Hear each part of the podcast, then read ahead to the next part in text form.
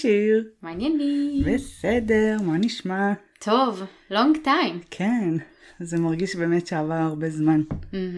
לא רק מרגיש, עבר. עבר הרבה זמן. כן. מה קורה? בסדר, חיים, שורדים.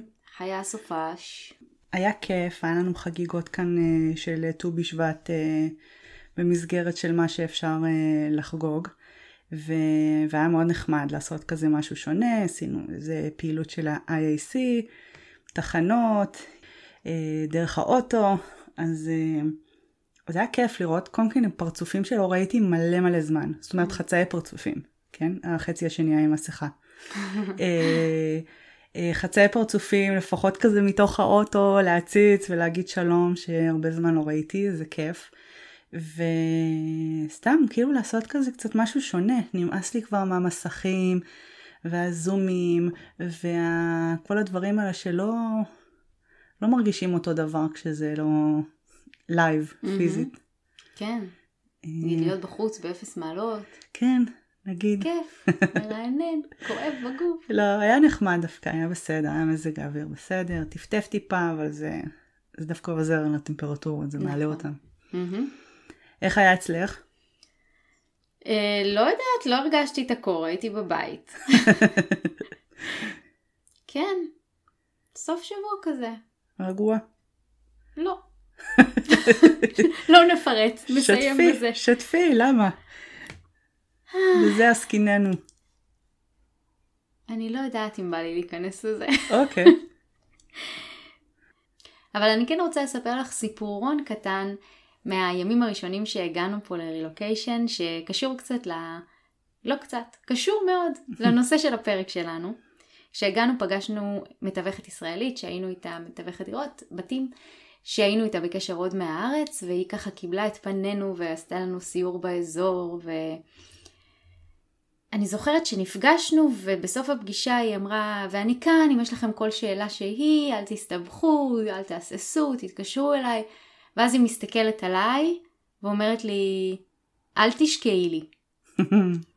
ואני זוכרת שזה היה לי מאוד מוזר שהיא אמרה את זה. זה היה לי מאוד מוזר, כאילו, מה... לא למה שנשקע? לא חי את הבנתי. החלום. ממש לא הבנתי למה היא אומרת את זה.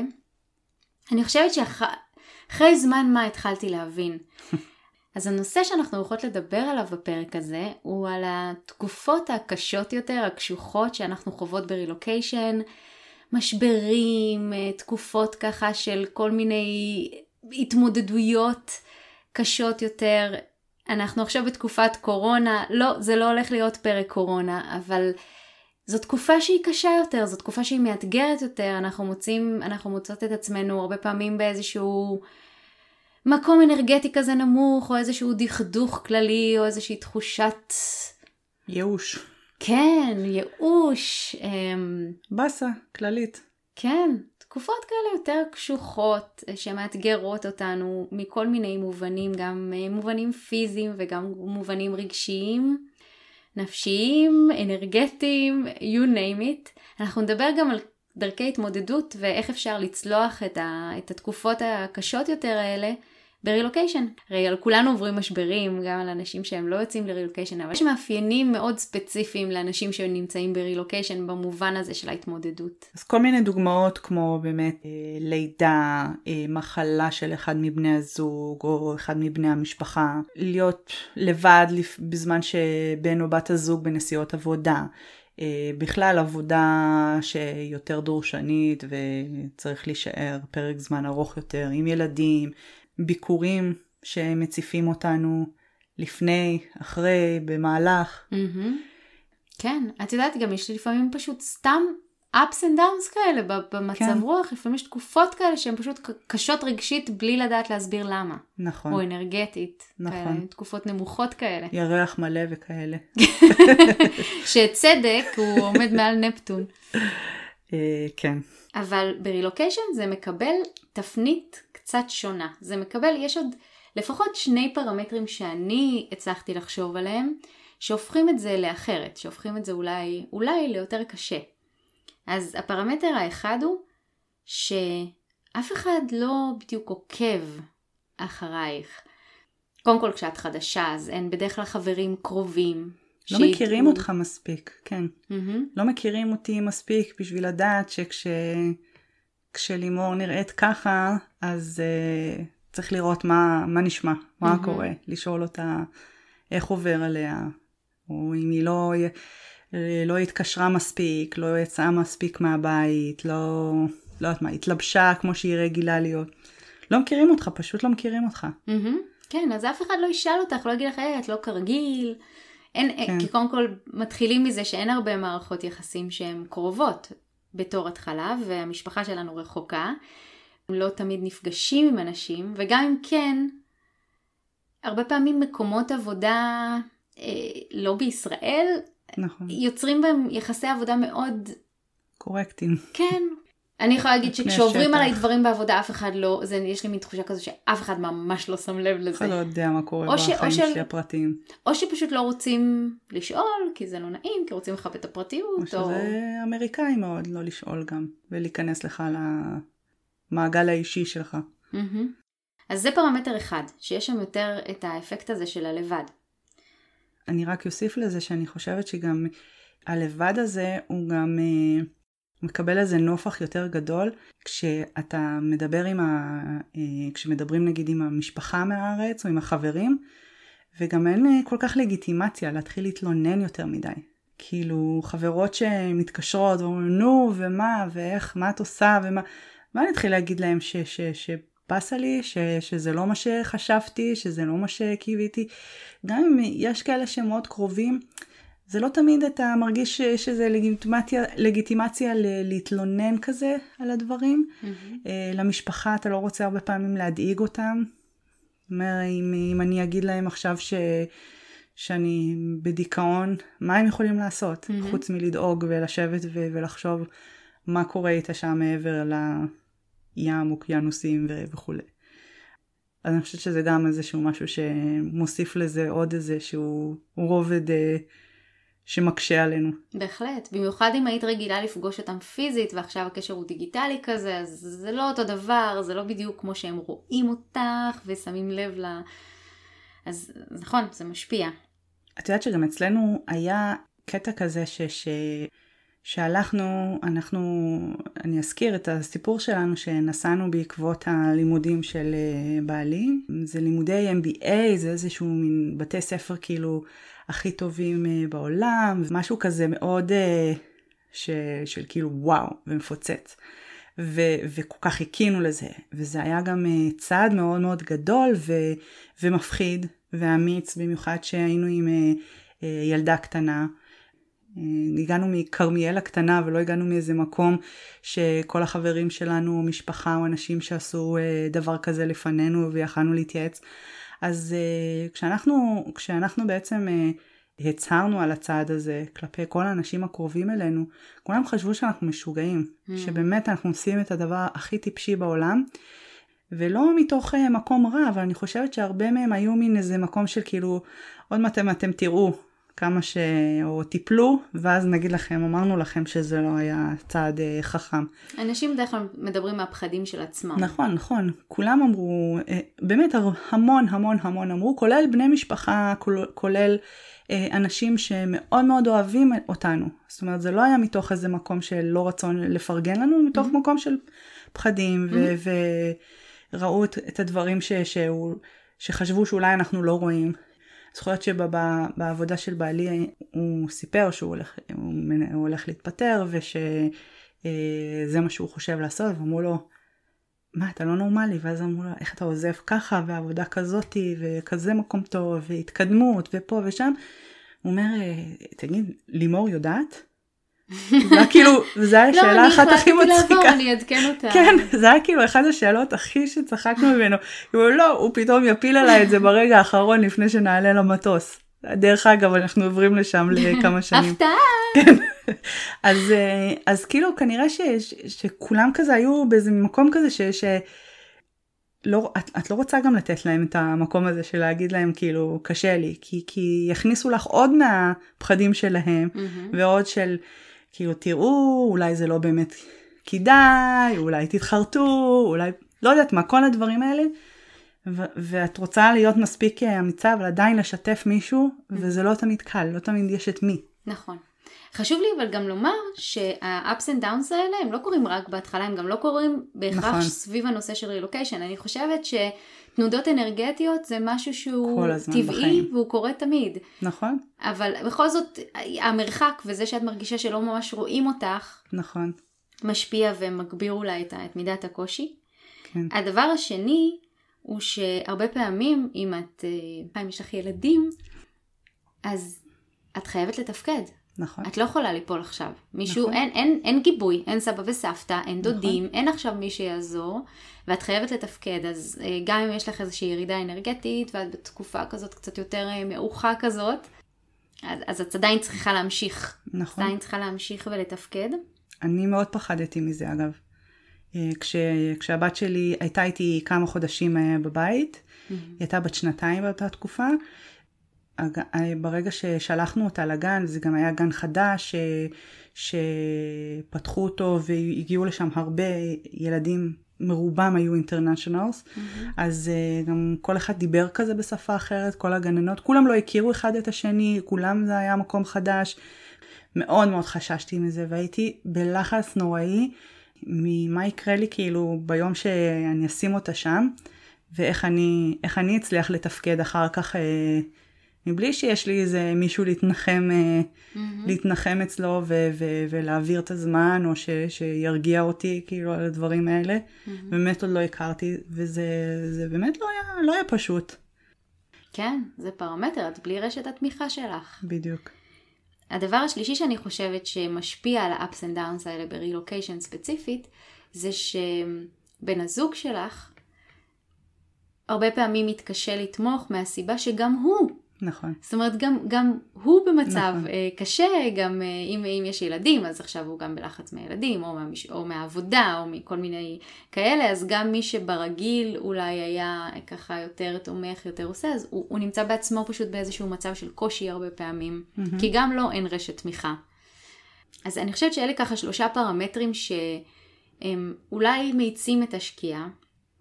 אה, אז אני מבינה יותר טוב מה התכוונה המתווכת היקרה והאהובה שאמרה לי, אל תשקעי לי, פתאום זה מאוד עושה היגיון.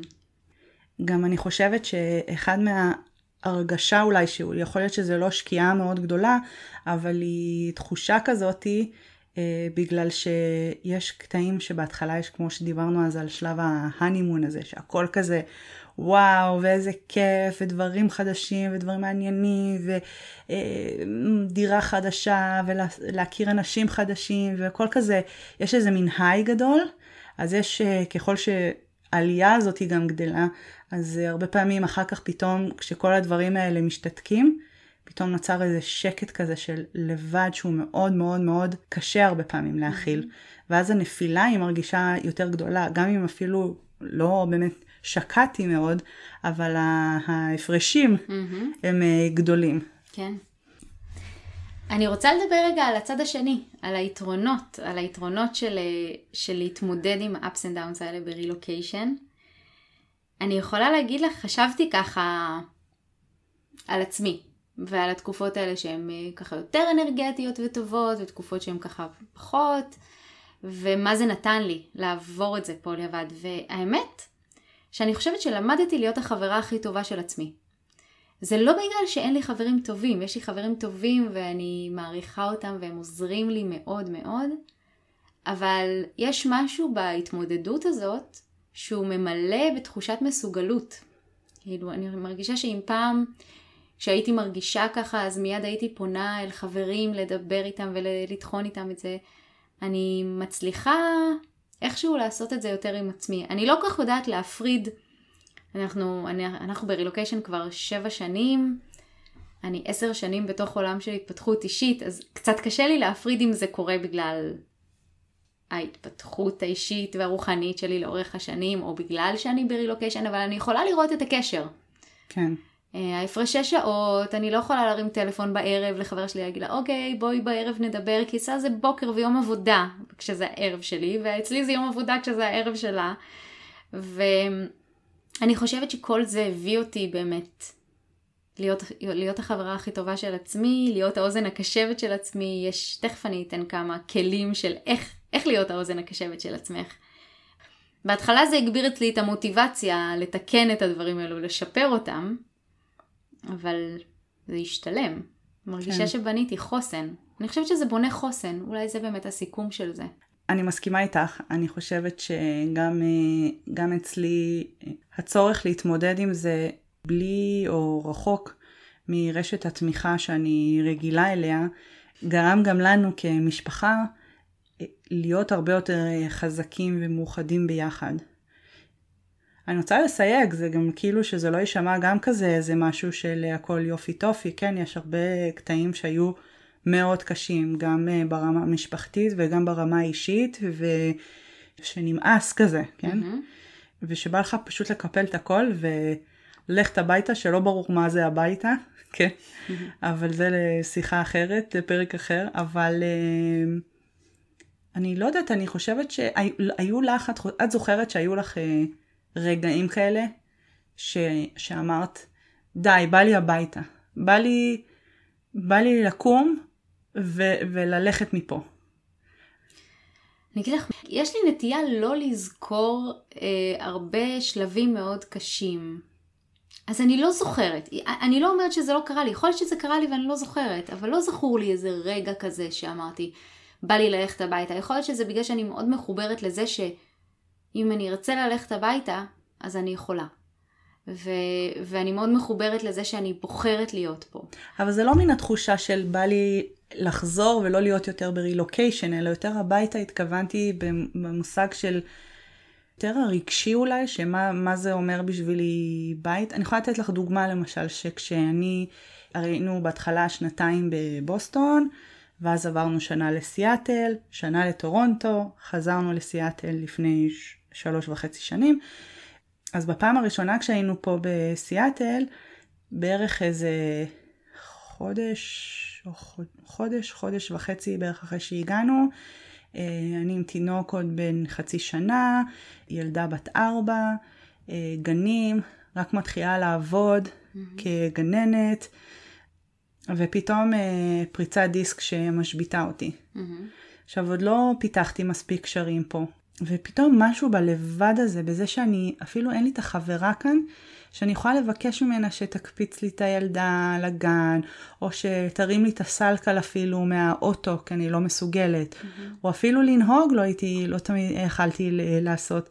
ואני זוכרת את, ה, את הרבה נקודות שבירה שהיו לי שם, שפשוט כאילו, היה לי מין איזה בכי כזה, כמו של ילד, mm-hmm. שאומר כאילו, אני רוצה לאימא, mm-hmm. כזה. אז כזה, הרגשתי mm-hmm. כזה, די, נמאס לי, אני רוצה הביתה. זה לא שכאילו היה לי איזה משהו ספציפית שחיכיתי לו, זה פשוט התחושה הזאתי שבא לי פשוט את המישהו שמכיר ואוהב אותי, שיעטוף אותי, כמו אימא כזה מגוננת, mm-hmm. שתחבק אותי, שתגיד לי הכל יהיה בסדר, ועוד מעט זה יעבור. Mm-hmm. ו... וזה פשוט הכריח אותנו להתמודד עם הדברים. הייתי מוותרת עליהם, כן, mm-hmm. בקלות, אם היית שואלת אותי עכשיו. אבל אה, גם זה גרם לי הרבה פעמים להבין ש...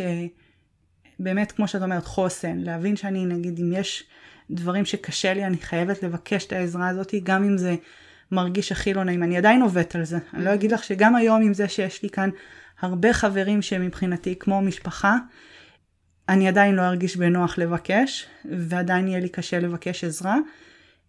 לתת יהיה לי בשפע, אבל לקבל זה יהיה לי מאוד קשה, ו- ו- וזה גם משהו שצריך לעבוד עליו, mm-hmm. ה- היכולת הזאת להגיד, אני לא מסוגלת כרגע להתמודד לבד, mm-hmm. ואני צריכה את העזרה. כן. אז uh, לצערי זה קרה גם אחר כך עוד כמה פעמים. במקרה הזה, עוד פעם מקרה של, אה, של הפריצת דיסק שהיה לי רק שנה שעברה, ו, וזה ש, שישי בעלי נפל ושבר את, ה, את שני הידיים, ו...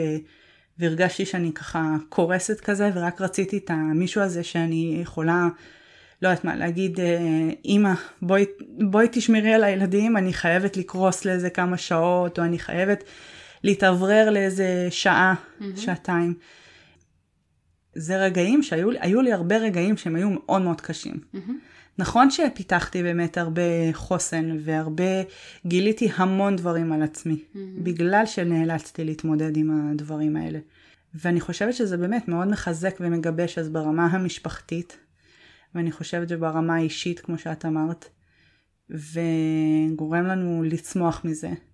זה לא נעים וכיף כשזה קורה mm-hmm. באותו זמן, אבל זה באמת, אה, כמו, כמו שיש את ההיי, ואת התקופות האלה שהכל כאילו מדהים וכיף ו- ו- ורק בא לך לשתף את כל העולם וכמה שכיף לך.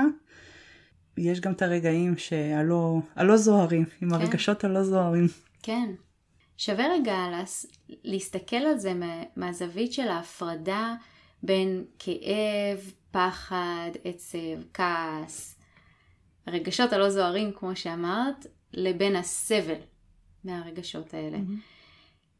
והסבל מהרגשות האלה זה משהו שבאמת יש, יש אפשרות להיפרד ממנו. יש, יש ממש כלים שעוזרים להיפרד מה, מהחלק הזה של הסבל, כי כאב פיזי, אה, כאב נפשי או רגשי, אה, ועצב וכעס ועייפות, כי באמת אין לך גיבוי עכשיו ויש פה ילדים שצריך אה, לטפל בהם, זה דבר אחד.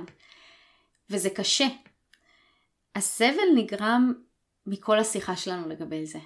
מהשיחה של זה נוראי ואני לא יכולה יותר ונמאס לי ולמה עכשיו גם זה לא מסתדר ואין לי כבר כוח יותר ומכל השיחה הזאת המאוד אנושית וטבעית שקורית אצל כולנו באמת בצורה הכי טבעית. אין פה איזה ביקורת על השיחה הזאת, זאת השיחה הדיפולטיבית שאנחנו איכשהו נוצרים איתה. זה, זה mm-hmm. השיחה שאנחנו נוצרים איתה, אני רק רוצה להציע שאפשר להחליף אותה בשיחה אחרת. ויכול להיות שאני אומרת את זה בגלל ש... שוב, אני חושבת שזה יותר עם השנים של העבודה שלי בהתפתחות אישית ורוחנית. למדתי להתמסר גם לתקופות עם אנרגיה מאוד נמוכה. זאת אומרת, אני לא במלחמה עם זה שזה קורה לי. אני עצובה, אני כועסת, אני עייפה נורא, אבל אני פשוט פיתחתי את היכולת להתמסר לזה. להתמסר לזה ולא להילחם עם זה שזה קורה לי, זה פשוט להכניס איזשהו מימד של קבלה. זהו, מתוך... צריך, אני חושבת שאת צריכה, אה, אני מכירה, כי אנחנו מכירות ומדברות על זה הרבה, אבל אני חושבת שאולי שווה אה, להסביר נגיד, מה הכוונה שלך ב- אני מתמסרת לזה. כי, כי מה זה אומר להתמסר? לעצב ולכעס ול, ולפחד ולתחושות ש, תחושות קשות ו, ורגשות זו, לא זוהרים. Mm-hmm. כי אני אומרת, נגיד, אני זוכרת שבתקופה שבאמת שהיה לי עם הכאבי גב, וצצו לי כל מיני פחדים ודברים ש, שכאילו, ו, וחששות ו, וכעסים mm-hmm. על עצמי, על דברים שקורים וכולי. ומאוד ניסיתי להבין מה זה אומר איך אני אמורה לקבל את הכעס הזה חוץ מלהגיד לי כאילו, אוקיי, זאת אומרת לשנות את השיח הפנימי ולהגיד זה משהו בסגנון של אה, טוב זה בסדר שאת כועסת או זה בסדר שאת uh, פוחדת mm-hmm. או זה בסדר ש... איך, איך ממש ממש אפשר לעשות את זה. Mm-hmm. אז אני, אתחש... אני אתייחס לשני רבדים שונים. Uh, באחת השיטות שאני עובדת איתה קוראים לך שיטת חמשת הגופים של ליאת דויטשר. היא מדברת שם על זה שיש לנו איזה שהם חמישה רבדים שמנהלים אותנו, חמישה תתי מודעים, אה, והיא קוראת להם גוף המנטל, שזה בעצם החלק של המחשבות, גוף הרגש, חלק של הרגשות, הגוף הפיזי, גוף המין, שזה גוף שקשור גם למיניות, אבל גם ליכולת הוצאה מן הכוח אל הפועל, יכולת ביצועית, וגוף הנשמה, שזה החלק הרוחני שלנו. ואני אתייחס עכשיו לשלושה גופים כדי לענות לשאלה שלך. במקרה שלך היה כאב פיזי, את הפריצת דיסק, זה מאוד mm-hmm. מאוד כואב, פיזית. Mm-hmm. במקרים אחרים יש כאב שהוא רגשי, עצב, פחד, כעס, איזשהו אה, מצב רגשי מסוים. כשאני אומרת להתמסר לזה, זה אומר להסכים להרגיש את הכאב הפיזי, או את הכאב הרגשי, או את הפחד, או את הכעס, או את העצב, בלי החלק המנטלי. זאת אומרת, לא בהכרח צריך לחשוב על זה, כי מה שיוצר את הסבל הרבה פעמים זה המחשבות שלנו על זה. עכשיו זה לא אומר שלא צריך לחשוב בכלל, גם אפשר לבחור את המחשבות, אבל הן לא יכולות להיות יותר מדי רחוקות ממה שאת מרגישה, פיזית או נפשית. כי אם כואב לך נורא, לחשוב לא כואב לי, לא כואב לי בכלל, לא, לא, לא יעשה שום דבר. כן. זה גם יוצר איזושהי הדחקה, עלול לעבוד, אבל זה גרוע מאוד, כי זה יוצר איזושהי הדחקה וניתוק כן. מהרגש או מהגוף, זה לא משהו שהוא רצוי בעיניי. אבל זה פשוט הס... אמ, איזושהי הסטה של הפוקוס שלך מהמחשבות, מהרובד המנטלי, אל הרובד הרגשי או אל הרובד הפיזי. זה אומר להיות עם הכאב, לשבת וממש להיות, אמ, אז, אז לפיזי מאוד עוזר למשל מיינדפולנס, פשוט להיות נוכחת עם הכאב, לשבת, להרגיש את הכאב, לנשום אליו, בלי לנסות להעביר אותו, בלי לחשוב על זה, פשוט להיות. זהו, שצריך נראה לי, באמת, זה, זה באמת, באמת מאוד קשה לתפיסה, אני חושבת שמי שמתרגל את זה הרבה זמן כבר יודע, אבל אני חושבת שהחלק שאת מתכוונת, נגיד, להרגיש אותו, או לקבל את זה, להתמסר, זה גם כאילו באיזשהו מקום, לא כאילו, זה באמת, להתמקד, כמו שאת אומרת, מיינדפולנס, mm-hmm. להיות קשוב לגוף שלנו ומה קורה לנו בגוף. אז איפה זה בדיוק כואב, איזה תחושה זה עושה, איפה הוא מקרין, אה, האם זו תחושה עמומה או חדה או מעקצצת או חום, קור, כל הדברים האלה, נכון? Mm-hmm. אז זה באמת yeah. החלק הזה יותר של המיינדפולנס. זה גם, אני חושבת שדיברנו עם, אה, עם אה, עדי דוידוביץ' בפרק על כאב. והחלק ש... ש... כי פשוט זה באמת משהו ש... של לא לחשוב אני זוכרת שזה, נאבקתי במחשבה הזאתי, נאבקתי במחשבה של לא לחשוב. Hmm. כל הזמן הזה, אני זוכרת שכל הזמן אמרתי לעצמי, ואני עכשיו, אני מתורגלת בהרבה מהדברים האלה, והייתי מתורגלת במדיטציה, והייתי מתורגלת במיינדפולנס, והייתי מתורגלת בכל מיני צורות אחרות של אה, ריפוי, של אה, התמודדות עם הדברים האלה, אבל, אה, אבל אני זוכרת שזה, שזה, שזה לא עזב אותי באותו רגע, שאמרתי, אני לא מסוגלת להתנתק מהמחשבה, זה כל כך כואב לי, זה כל כך קשה, ש, שזה מעמעם את כל, ה, את כל המחשבות האחרות חוץ מרע לי, קשה לי, נורא, מתי זה יעבור, אני לא יכולה יותר, למה לי, אה, מה עשיתי, מה, רק המחשבות האלה ש, שגרמו לי המון סבל. Mm-hmm. ו- ו- וידעתי שאני סובלת, ותוך כדי לא הצלחתי אה, ל- להתמודד איתם באותו זמן. את יודעת, בדיוק פה נכנסת החמלה, החמלה העצמית, וה... ואני עושה את הכי טוב שלי.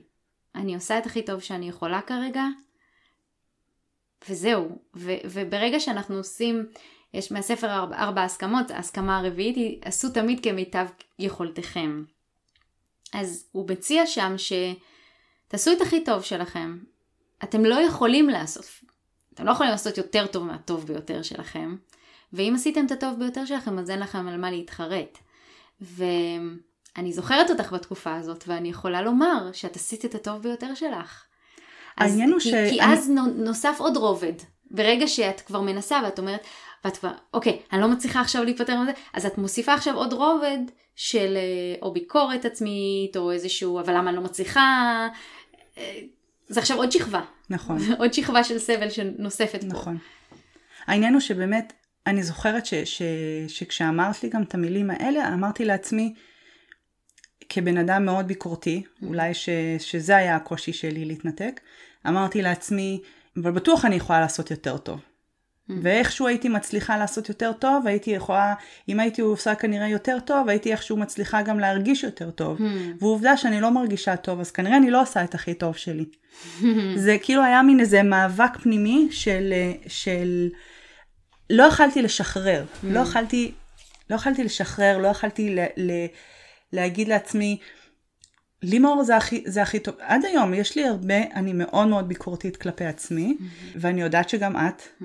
איך את מתמודדת למשל באמת ברגעים האלה שאת, שאת, יש לך פעמים ש, שאת אומרת לעצמך, אני עושה את הכי טוב, והמוח שלך ישר, המנטל ישר אומר לך, כן. זה לא הכי טוב. האומנם? כן, האומנם? אז כן, אז, אז בואי נדבר רגע על הקול הזה, ו, ואז אני גם אספר לך uh, על דרך התמודדות שלי איתו. דרך אגב, החיים שלי הם לא פתורים. זאת אומרת, אני תמיד uh, בתהליך של שיפור ותמיד יש מה לשפר עוד. אה, לא, את לא מושלמת? לא, לא, אני לא, ואני מתמודדת עם דברים לא נעימים. אז אני קוראת לקול הזה הקול הנוזף בראש, זה ה... אישה, אצלי זאת אישה, הקטנה הזאת בכל, בתוך הראש שלך, שתמיד אומרת, אה, נו, תפוקה יצאת, נו, למה את עושה ככה? נו, למה את חייבת לאחר? נו, למה את תמיד ככה? ואנחנו חיות עם הקול הזה, אני חושבת שעד שלא נתקלתי. בזה שיש כאילו דמות כזאת, לא קלטתי. כאילו חשבתי שזאת אני אומרת את זה, אבל זה לא אני. זה, זה פשוט אחד, המח... אחד הנרטיבים של המחשבות שלנו. יש לנו איזה נרטיב מחשבתי כזה של ביקורת עצמית. אצל אנשים שונים זה נמצא בעוצמות אחרות. ויש לנו איזה מין תחושה כזאת או אמונה שאם אנחנו, שהקול הזה הוא בשבילנו כדי לתת לנו את הבעיטה בתחת ולדחוף אותנו קדימה. Mm-hmm. אבל שווה רגע לעצור ולשאול, האם כך את מעודדת את הבת שלך כשהיא בתקופה קשה? האם ככה היית מעודדת חברה שלך על ידי לנזוף בה? על ידי להגיד לה, נו, בטח עכשיו שאת יושבת ואוכלת גלידה מול הטלוויזיה, בטח לא תרגישי יותר טוב. נכון. אה, אנחנו לא מדברים ככה לאנשים אחרים, לא מדברים כן. ככה לאנשים שאנחנו אוהבים, אבל אנחנו בקלות מדברים ככה לעצמנו. ואנחנו באמת, אנחנו מעיזים לדבר לעצמנו בצורה שלא היינו מדברים לאף אחד. בטח לא בן אדם שאנחנו אוהבים. ואז אני חושבת שהשלב הראשון הוא להכיר, להכיר בזה שקיים בנו קול כזה, להבחין בו, להקשיב לשיחה הפנימית שלנו, להקשיב למחשבות שלנו, כדי לזהות שיש את הדבר הזה.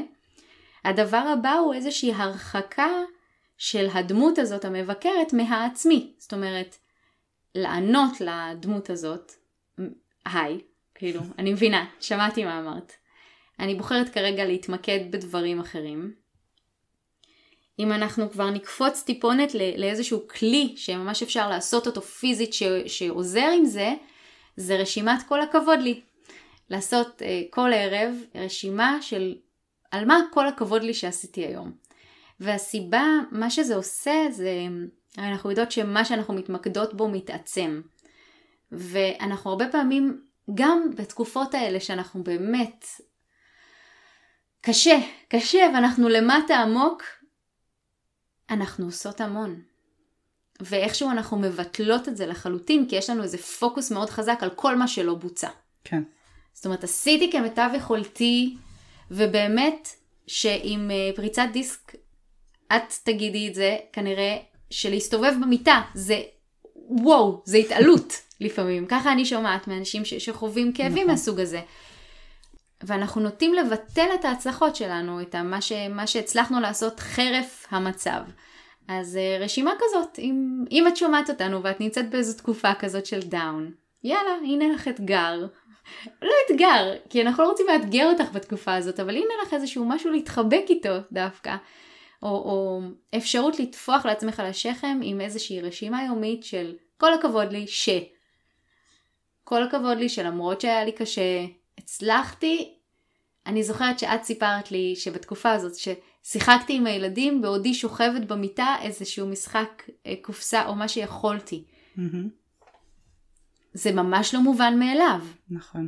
אז, אז רשימת כל הכבוד לי, למשל, עוזרת לענות לקול הזה. אני זוכרת שבאמת באותה תקופה שיני, שינינו, אני, את וקבוצה שיש לנו עם אה, עוד אה, שתי חברות. אני שיניתי את רשימת התודות שלי לרשימת אה, כל הכבוד לי ואני גאה בעצמי ש... Mm-hmm. ואני חושבת שזה באמת מאוד עזר לי לעשות את הפוקוס הזה. וגם אחר כך האמת היא, המשכנו את זה עוד לפירוט של למה. Mm-hmm. למה זה... כי מה זה אומר עליי. כי מה זה אומר עליי, כן?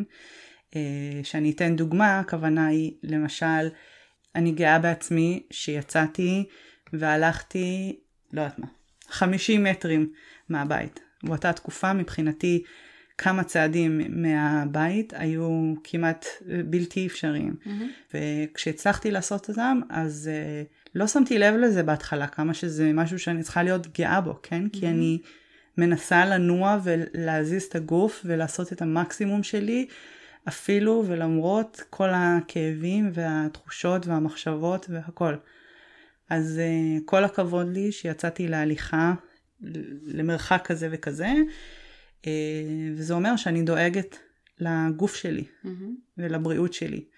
זה, זה, זה הסגנון המשפטים שהיו שם. כן, כי זה מראה על נחישות, כן. דבקות במטרה, זה מראה על הרבה דברים. זה מאוד קשה בהתחלה לעשות את הרשימות האלה. מהמם. כי זה מאוד אה, קשה באיזשהו מקום להלל את עצמך מהמם. על איזה משהו שאתה לא מרגיש בו גאווה גדולה, כן? זה לא ש... שבאמת באותה תקופה את יכולה להגיד לי, וואי, תקשיבי, ללכת 50 מטר מהבית זה וואו, מדהים, גאווה ענקית. לא, כי כאילו בראש שלי אני עדיין אותו אדם ש... שמבחינתו 50 מטרים זה כלום. מהמם.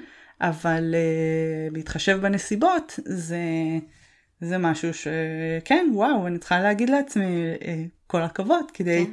להעלות את זה למודעות שלי. זה גם עניין של אימון. אני נכון. חושבת שברגע ש, שעושים את זה מספיק פעמים ונכנסים ל, ל, להבנה של איך זה עובד ואיך זה משפיע עליי, זה כבר נהיה יותר טבעי, ו, וגם אנחנו פשוט לומדים פשוט להעריך את עצמנו יותר. נכון.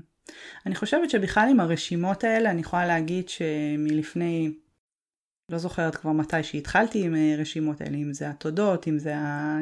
אה, כל הכבוד לי ו- וכאלו, שיש איזושהי תחושה בהתחלה של סוג של אה, התחזות, או Mhm. איזה אה, לא אמיתית מספיק. אה, ולכן אני חושבת גם, אני חושבת שהטיפ שהייתי נותנת זה גם לעשות את זה, או לכתוב לעצמי, שאז אה, יש פחות ביקורת של כאילו מה יראו ויחשבו, או עם אה, חברות, חברים, אה, בן הזוג, בת הזוג, אה, עם מי שאתם מרגישים בנוח לכתוב את זה. היה תקופה שגם הרגשתי ש... שבא לי לכתוב לי ו... ביני ובין ישי, mm-hmm. בנוסף. זאת אומרת, היה לי כמה כאלה קבוצות שבהם הייתי כותבת דברים שונים, ו... ו... וביני ובין ישי אמרתי לו, בוא נעשה. קבוצה כזה שאנחנו כותבים אחד לשני תודות. שזה יעלה לנו כזה קצת את האנרגיה, ההרגשה בבית, או התחושה בכלל אה, בינינו וכמשפחה ו- ו- וכולי. הוא בהתחלה פחות אה, זרם האמת היא, ו... ואמרתי לו בסדר, אז אני אכתוב, ואם תרצה, אתה יכול גם אה, להוסיף משלך. ואחרי תקופה מסוימת שאני כתבתי, הוא פתאום אה, יום אחד גם כתב, וזה היה מהמם. מהמם. אז לא התמדנו עם זה להרבה הרבה זמן אה, בקבוצה הזאתי, אבל אה, זה לא משנה, זה עשה את שלו. זאת אומרת, לי זה היה כיף, וזה היה לי נחמד גם שהוא קורא את זה, ו... ואולי באיזשהו מקום זה משפר גם אצלו, מהמם. וכשהוא הוסיף אז זה בכלל היה מהמם. ואני יכולה להגיד לך שגם עכשיו, האמת היא, לאחרונה, גם עם הבת שלי הרבה פעמים, גם עם הבת ועם הבן, אני חושבת שסיפרתי את זה בעבר, אבל כשהיה תקופה ש... שאמרתי בואו אה, נעשה מחברת כזאת של אה, תודות, ו... ו... וכתבנו, ושוב, כל פעם שיש איזו תקופה כזאת ש... שדברים יורדים, וזה תמיד נראה כזה הכל לא, לא מדהים, אז uh, צריך להעלות כזה את האנרגיות האלה, אז אני מזכירה מחדש ו- ו- וכותבים. אז כן. הם לא עשו את זה באופן קבוע, אבל, uh, אבל אפילו פעם בכמה זמן אפשר לכתוב, אם זה ילדים קטנים מאוד, אז אפשר לכתוב בשבילם ואפשר גם לצייר. מהמם. זה עובד ממש טוב. כן, אמרנו כזה תודות בהנחה ש... כן, שהקשבתם לכל הפרקים ואתן יודעות שאנחנו מדברות על זה מלא, אבל, או ואתם אה, כמובן עוקבים בקהילה, ששם זה מדובר, אבל אני אגיד רק ככה שתי מילים לגבי הכרת תודה. הכרת תודה הוכח בפסיכולוגיה החיובית כדבר שמגביר את תחושת הסיפוק מהחיים. דרך הכי פשוטה ובסיסית לעשות את זה, זה באמת לעשות איזושהי רשימה של שלושה או חמישה או עשרה דברים שאנחנו מודים עליהם היום. דברים האלה יכולים להיות דברים מאוד מינימליים וקטנים, כמו היה לי קפה טעים בבוקר, הייתה לי נסיעה חלקה לעבודה, האזנתי לפודקאסט מהמם, כל, כל דבר קטן שקרה, ועד לדברים מאוד מהותיים, באמת להכיר תודה שאני בריא היום. להכיר תודה אה, על הדברים האלמנטריים שאנחנו לוקחים אותם כמובנים מאליהם. וזה נשמע כזה, אה, יאללה, מה זה יעזור? מה זה יעזור? ו- ובאמת, כשרק שומעים את הקונספט, זה באמת לא עוזר. כן. זה כלי שעובד מצוין כשעושים אותו. נכון. אז אם אתם רוצים לחוות את זה ועדיין לא תרגלתם הכרת תודה, פשוט, תעשו את זה. זה צריך לעשות את זה לאורך איזושהי תקופה, ואתם תחוו פשוט איזושהי קפיצה במידת הסיפוק שלכם מהחיים. זה, זה כלי שזה תמיד כזה מעצבן כמה שהוא פשוט, ואנשים כזה נוטים לזלזל בו, אבל זה כל כך עוצמתי. נכון. אני חושבת שגם אני כשבהתחלה נחשפתי פעם ראשונה לכלי הזה, גם היה נראה לי כמו איזה משהו ש... טוב, בסדר, מה, מה זה יעזור לי? נו, בסדר, אז אני אכתוב כמה פעמים, אה, תודה שיש לי, לא יודעת מה, קורת גג, תודה על הבריאות, תודה על זה, תודה על זה. וגם בהתחלה הדברים היו באמת יותר סתמיים, mm-hmm. מה שכתבתי. וככל שעבר הזמן והעמקתי, זה פשוט גורם לנו לראות את, זה, זה, זה ממשיך את עצמו מהדף להמשך היום שלנו, זה מלווה אותנו. Mm-hmm. פתאום קורה איזשהו משהו, ואני בראש חושבת לעצמי, וואי, זה משהו שאני צריכה לזכור להגיד עליו תודה היום. את כבר קצת מחפשת. בדיוק. את כבר קצת מחפשת את הדברים הטובים, אז נכון, את מוצאת אותם. נכון, נכון, וזה זה, זה פשוט שם לך איזה שהם אה, משקפיים ורודים יותר ככה למשך היום. Mm-hmm. לא שאני הולכת כאן בקפיצות והפי הפי ג'וי, אבל ברמה שזה גורם באמת לשים לב לדברים הקטנים האלה. Mm-hmm. כן, אני גם חשוב להגיד, אנחנו מדברים, מדברות פה על ups and downs ועל uh, תקופות שהן קשות uh, רגשית או פיזית, והכרת תודה, זה כמו אם יש, uh, עכשיו חבל שלא רואים תנועות היד שלי, אבל אם יש גרף כזה של עליות ירידות, עליות ירידות, עליות ירידות, אז... גלים. זה, כן, גלים כאלה, אז הגלים האלה הם עדיין יהיו שם, אבל ככל שהחוסן הנפשי מתפתח וככל, ו, ו, האופטימיות, האופטימיות מאוד מטופחת על ידי הכרת תודה למשל, אז הגלים האלה פשוט יהיו באיזה מקום יותר גבוה על ציר הוואי, כאילו, כן, אני עושה מלא תנועות ידיים, זה ממש עוזר בפודקאסט. אבל זאת אומרת, הנקודת הבסיס שלך כבר תהיה יותר גבוהה. אבל זה לא אומר שלא תהיה את התנודתיות הזאת באנרגיה. כן. אני רוצה אה, לתת עוד איזה משהו, עוד איזשהו כלי אחד שהוא מאוד עוזר. לי הוא עזר, אני קודם אמרתי שלמדתי להיות החברה הכי טובה של עצמי, והנה הנה, מה שעזר לי לעשות את זה. ודיברנו גם, את דיברת על זה שהיה לך קשה להפסיק את המחשבות, אז זה גם כלי שמאוד עוזר לזה, קוראים לכלי הזה כתיבה אינטואיטיבית, או דפי בוקר, זה פרקטיקה שלקוחה מהספר דרך האומן של ג'וליה קמרון, והפעילות הזאת שניתן לעשות אותה, שוב, יש את הדרך שבו ג'וליה קמרון מציגה את זה, אבל יש כל מיני uh, תיאוריות שונות שמפנות לעשות כתיבה אינטואיטיבית. הכוונה בכתיבה אינטואיטיבית זה בעצם לשבת מול דף ולכתוב את כל המחשבות שעוברות לך בראש, פשוט להוציא אותן מהראש אל הדף. הכתיבה הזאת לא צריכה להיות קוהרנטית, את לא צריכה להסביר את עצמך. את לא צריכה אמ, להיות פוליטיקלי קורקט, את לא צריכה להיות מנומסת, את לא צריכה להיחשב באף אחד. אף אחד לא קורא את זה, זה בשבילי לגמרי לבד. לגמרי. כתיבה אינטואיטיבית נותנת לנו אה, שלושה דברים. הדבר האחד הוא שחרור, פשוט שחרור של כל ה... אוורור של, ה... של הראש שלנו. ממש ככה. שחרור של כל הפטפטת הזאת שרצה לנו בתוך הראש, מהראש אל הדף. Mm-hmm. אם אנחנו ממשיכים לחשוב אותה, היא לא יוצאת משם. כי כן. הרבה פעמים יש לנו מחשבה כזאת של אני אחשוב על זה עוד קצת ואז זה ייפתר לי במחשב. לא, לא, זה לא עובד. זה רק מגיע למה שנקרא רומינציה, שזה המחשבות הבלתי פוסקות האלה. בדיוק, בדיוק הלופים האלה. הזה. סוזן ג'פרד קוראת לזה פטפט את המוח אה, בספר שלה להרגיש את הפחד ובכל זאת לעשות. אז את יודעת, אני חושבת שבאמת התחלתי לעשות את זה פה, בין היתר, בגלל שלא הייתה לי תמיד את החברה שאני רגילה להתקשר אליה, ועכשיו בואי, להפיל עליה את כל היום האחר שעבר עליי. כאילו אין לי, אין לי אותה. אה, אולי זה גם קשור לא רק לפה, אולי זה גם קשור לזה שיש ילדים, ואז כזה אין את הפנאי תמיד. אז זה בדיוק, את מסיימת בתחושה כמו שדיברת עם חברה והשלכת עליה, כאילו, אני זוכרת שהיו לי שיחות טלפון שהייתי מתקשרת ואומרת, אני רוצה להתבכיין לך קצת, סבבה? כאילו פשוט תקשיבי איזה יום נוראי היה לי, נכון? אז זה בדיוק עושה את, ה, את הפעולה הזאת של השחרור, פשוט לשחרר קצת את הראש, אה, נכון. זה מפחית גם עומס קוגנטיבי ונהדר. הדבר האחר שזה עושה זה שיקוף, זאת אומרת שאני שומעת מאנשים שאני מלווה שהרבה פעמים כשהם uh, כותבים, הם פתאום קולטים שיש להם ביקורת כן. עצמית למשל. עד שלא כתבתי... פרספקטיבה מהצד. ממש, כאילו זה נותן לך איזה מראה של אה, כן. מה הולך לי בתוך הראש. כן.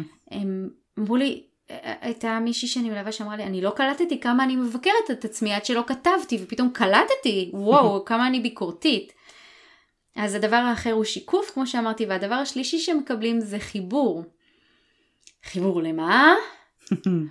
אז uh, פה אני נכנסת לאזור האפור של הרוחני יותר, אז uh, חיבור לעצמי, חיבור לאינטואיציה, חיבור לאלוהים, חיבור ליקום, חיבור לנשמה, you name it. אבל אני יכולה להגיד שכשמתרגלים את זה מספיק, אז הרבה פעמים פתאום מגיעים תוך כדי הכתיבה, אולי גם בגלל הריקון הזה של המחשבות, יש איזה מקום למחשבות טריות להגיע ולאיזה שהם רעיונות חדשים שהם צצים והם... אני קוראת לזה חיבור, הם כאילו פשוט עולים מתוך חיבור. אני, אני, אני מתחברת לא לשום דבר גבוה ורוחני, אני מתחברת בעיקר לעצמי כשאני כותבת את הדברים האלה. Mm-hmm. כשאני כותבת באמת, כמו שאת אומרת, זה פתאום באות מחשבות אחרות, פתאום הרגשתי ש, שכאילו באמת הבררתי, הוצאתי. ניקיתי, טיטטי כזה, כל מיני דברים שם במוח. ו... ועכשיו אני פנויה. להביא מחשבות אה, חדשות, mm. גם אם הן לא בהכרח רק טובות יותר, אבל גם מחשבות חדשות, שקצת כאילו, אה, לא יודעת, כמו ש... שאתה, שאת כלואה באיזשהו מקום כל הזמן, וכל הזמן רק עם עצמך ולבד, ופתאום את יוצאת החוצה ואת כזה, או, oh, רגע, וואו, יש דברים חדשים, יש קצת, עכשיו, זה לא שנעלמו הבעיות ולא, את עדיין את, mm-hmm. אבל אה, איזושהי נקודת, נקודת אה, אה, השקפה או הסתכלות אחרת קצת אה, על הדברים. Mm-hmm. כן, לגמרי. תנסו את זה בבית. תנסו את זה בבית. למהדרין, תנסו את זה בבית.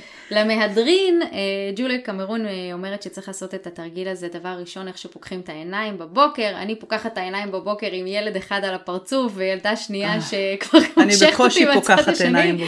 אז, אז אני לא יודעת כמה זה ישים לכל אחד, אבל אני יכולה להגיד גם מניסיון של אנשים שאני מלווה, שהרבה פעמים כתיבה דווקא לפני השינה. נכון, מאוד עוזרת. מאוד עוזרת לש, לשינה טובה יותר, כי הרבה פעמים מה שפוגע לנו בשינה זה שהמוח שלנו פשוט רץ על מחשבות. אז אה, זה יכול להיות בבוקר, זה יכול להיות לפני השינה, אבל זה בעיקר עוזר כשעושים את זה. נכון. זאת אומרת... לא מדברים וחושבים על זה. לא, לא חושבים, לא מתכננים, לא אומרים, אה, איזה יופי הם דיברו, יפה, רעיון זה יפה. זה נשמע מצחיק, אבל האמת היא ש... ש... שהיו לי תקופות ארוכות שכל פעם נגיד... אה, היינו נותנות אה, עצות אחת לשנייה כל פעם בתקופות שכל אחת משהו חובה משהו אחר ונגיד שהיא אומרת לי אז תעשי דפי בוקר נגיד תכתבי תכתבי ואני כל הזמן אומרת כזה כן כן אני צריכה אני אני באמת צריכה לכתוב אני צריכה לכתוב ואז פתאום המחשבה החדשה היא כל הזמן כן אני צריכה מתישהו להתפנות לעשות את זה וזה לא נגמר, mm-hmm. זה כאילו תמיד יש משהו אחר, זה, תמיד זה לא מתאים. זה ביצה ותרנגולת, כי זה מה שיוצר כן. את הפניות. נכון, זה, זה, נכון. זה עוצר שנייה, רגע, עצרי רגע. שזה מצחיק, כן. זה במחשבות, שתוכלי להיות פנויה לעשות דברים ש... לגמרי, לגמרי. אז, אז פשוט באמת, אני מרגישה שלפעמים שאני מוצפת מאוד, זה הזמן כזה להגיד, אה, טוב רגע, זה זמן, ל, זמן להתאוורר קצת, אה, לעשות סדר פסח במוח, mm-hmm. ו... ו ו- ולרוקן קצת באמת את המחשבות. Mm-hmm. אני אגיד גם ששווה להטמיע את ההכרת תודה ואת הכתיבה האינטואיטיבית ואת ה... אה, נגיד הבחנה בקול הביקורתי שלנו, כל הכלים האלה שהזכרנו כאן, שווה להטמיע אותם לא כשאנחנו בתחתית של הבור. נכון. שווה להטמיע אותם כשאנחנו דווקא במצב טוב, אה, ליצור איזשהו חיבור עם עצמנו, ואז באמת נקודת הפתיחה שלנו היא כבר יותר קלה, ואנחנו כבר יותר מתורגלים, כי הרבה מהכלים האלה זה עניין של, של תרגול לאורך זמן. נכון. כדי לראות את התוצאות. ואגב, תרגול לאורך זמן, אני יכולה להעיד על עצמי, במקרה שלך אולי זה שונה, אבל אני לא עושה את כל הדברים האלה כל יום. אה, שזה לא יישמע ממה שאנחנו אומרות, שכל יום אנחנו גם כותבות וגם עושות תודות וגם עושות אה, רשימות כאלה של אה, גאווה בעצמנו, ובכלל כל היום מתעסקות ב- בעצמנו. ממש אני לא. אני כותבת כל הכבוד לי שכתבתי רשימת כל הכבוד כן, לי. מתחילה מזה, א', ואז אז באמת אני, אני חושבת שזה, שזה בא והולך. יש תקופות שבאמת אני מרגישה שמה שהכי יעזור לי זאת אומרת, כדאי להתחיל בלהתנסות בכל הדברים האלה ולראות מה, אתה, מה את או אתה הכי מתחברים אליו. ו, ואחר כך יש איזושהי מין, אה, אתה מסג, אני מסגלת לעצמי למשל כל פעם, אה, נגיד זו תקופה ש, ש, שיותר בא לי עכשיו לרשום אה, רשימת תודות. בגלל זה זה הרבה פעמים נחמד לעשות את זה בקבוצה, Mm-hmm. או עם איזה כמה חברות, אה, אנשים קרובים, משפחה, או מישהו ש... אנשים ש, ש, שמרגישים שאפשר גם אה, כל פעם אה, לדאוג אחד לשני, זאת אומרת שכשמישהו בקצת יותר דאון אז אפשר להרים אותו ולהזכיר לו את הדברים שאפשר לעשות ו- וההפך. יש לי עוד איזושהי המלצה שרציתי אה, ככה להוסיף, שהיא פחות בתחום העזרה העצמית, אלא זה יותר החיפוש של עזרה בקהילה. ורציתי להגיד שבאמת כשדיברנו על אה, כמה שהגעתי נגיד והרגשתי מאוד בודדה ושרחוקים מהמשפחה וכולי, אז אה, כדי להתכונן, אם אתם עדיין לפני מעבר או ממש בתחילת המעבר, הייתי ממליצה להסתכל ולראות בסביבה שלכם אם יש כל מיני פעילויות או דברים קהילתיים או איזה שהם התארגנויות קהילתיות לעזור אחד לשני. הרבה פעמים גם להתנדב ולעזור לאחרים בהתחלה מאוד מחבר אותנו ואחר כך יכול אה, לעזור לנו ב, ב, ב, במידה ואנחנו צריכים את, ה, את העזרה הזאת. אה, וסתם זה גם נחמד להכיר יותר ככה הרבה אנשים. אז אם יש לכם כל מיני פעילויות התנדבותיות בקהילה, או אם יש לכם, אה, נגיד אני יודעת שאצלנו בקהילה יש אה, סירי לידה שעוזרים לנשים אחרי שילדו ומבשלים להם אוכל. עכשיו היה כל מיני התאגדויות כאלה קטנות לגבי אנשים ש... בקורונה צריכים, כאלה שלא יכלו לצאת מהבית ו- וכאלה. אז, אז תבררו קצת בקהילה לפני שאתם מגיעים, אם יש בכלל בקהילה, אם אין קהילה של ישראלים, אז יהודים, אם לא יהודים, אז המקומיים שיש שם. אם יש כל מיני מקומות כאלה שאפשר אה, להכיר עוד אנשים, ש, שיהיה לנו את המקום הזה שאנחנו יכולים לבוא ולשאול, לבוא ולקבל אה, הפנייה אפילו, אם זה לא הם, אז הפנייה לאיפה אפשר אה, להיעזר. Mm-hmm. אחרי הפעם הזאת היא הראשונה שאני אה, הייתי עם הפריצת דיסק, כשהגענו לכאן, אז אני זוכרת שאחרי כמה חודשים טובים, או לקראת אפילו סוף השנה שעזבנו, לפני שעזבנו לטורונטו, אז uh, הכרתי מישהי כאן, ו... ואז שסיפרתי לה את הסיפור על זה, על כמה שהיה לי קשה בהתחלה, וכמה שהייתי בודדה וכולי, ואז היא אמרה לי, איזה חבל שלא ידעתי כי יש בקהילה איזה כמה נשים שאפשר גם בעילום שם, שאם מישהו יש איזה מחלה או איזה מישהו שקשה לו משהו אז, אז נרתמים כולם ומתנדבים לבשל או לעזור עם הילדים או לעשות uh, כל מיני דברים כאלה שיכולים להקל על uh, אותה משפחה. אם הייתי יודעת הייתי, היינו, הייתי יכולה אפילו לצרף אותך או באמת uh, גם בצורה אנונימית הרבה פעמים. ואחר כך חשבתי כמה שזה מקסים, ובגלל זה אני גם הרבה משתדלת להתנדב בזה כיום, כי אני יודעת כמה הייתי צריכה את זה, והלוואי שהייתי יודעת את זה אה, באותה תקופה. Mm-hmm. אה, זה מאוד מאוד עוזר. כן, לגמרי, מסכימה במאה אחוז. אז כל מה שנותר לנו להגיד זה שלא תשקעו לנו. Mm-hmm. ואנחנו נתראה בפרק הבא. יאללה ביי. ביי ביי. אנחנו מזמינות אתכם לשתף את הפודקאסט עם חברים שאתם חושבים שהתכנים יכולים להועיל להם, ושמחות גם להזמין אתכם לקהילת הפייסבוק חיות רילוקיישן מקף הקבוצה, לדיונים בפרקים ולתכנים נוספים בנושאי well-being ברילוקיישן ובכלל. ואנחנו נתראה בפרק הבא. יאללה, יאללה ביי!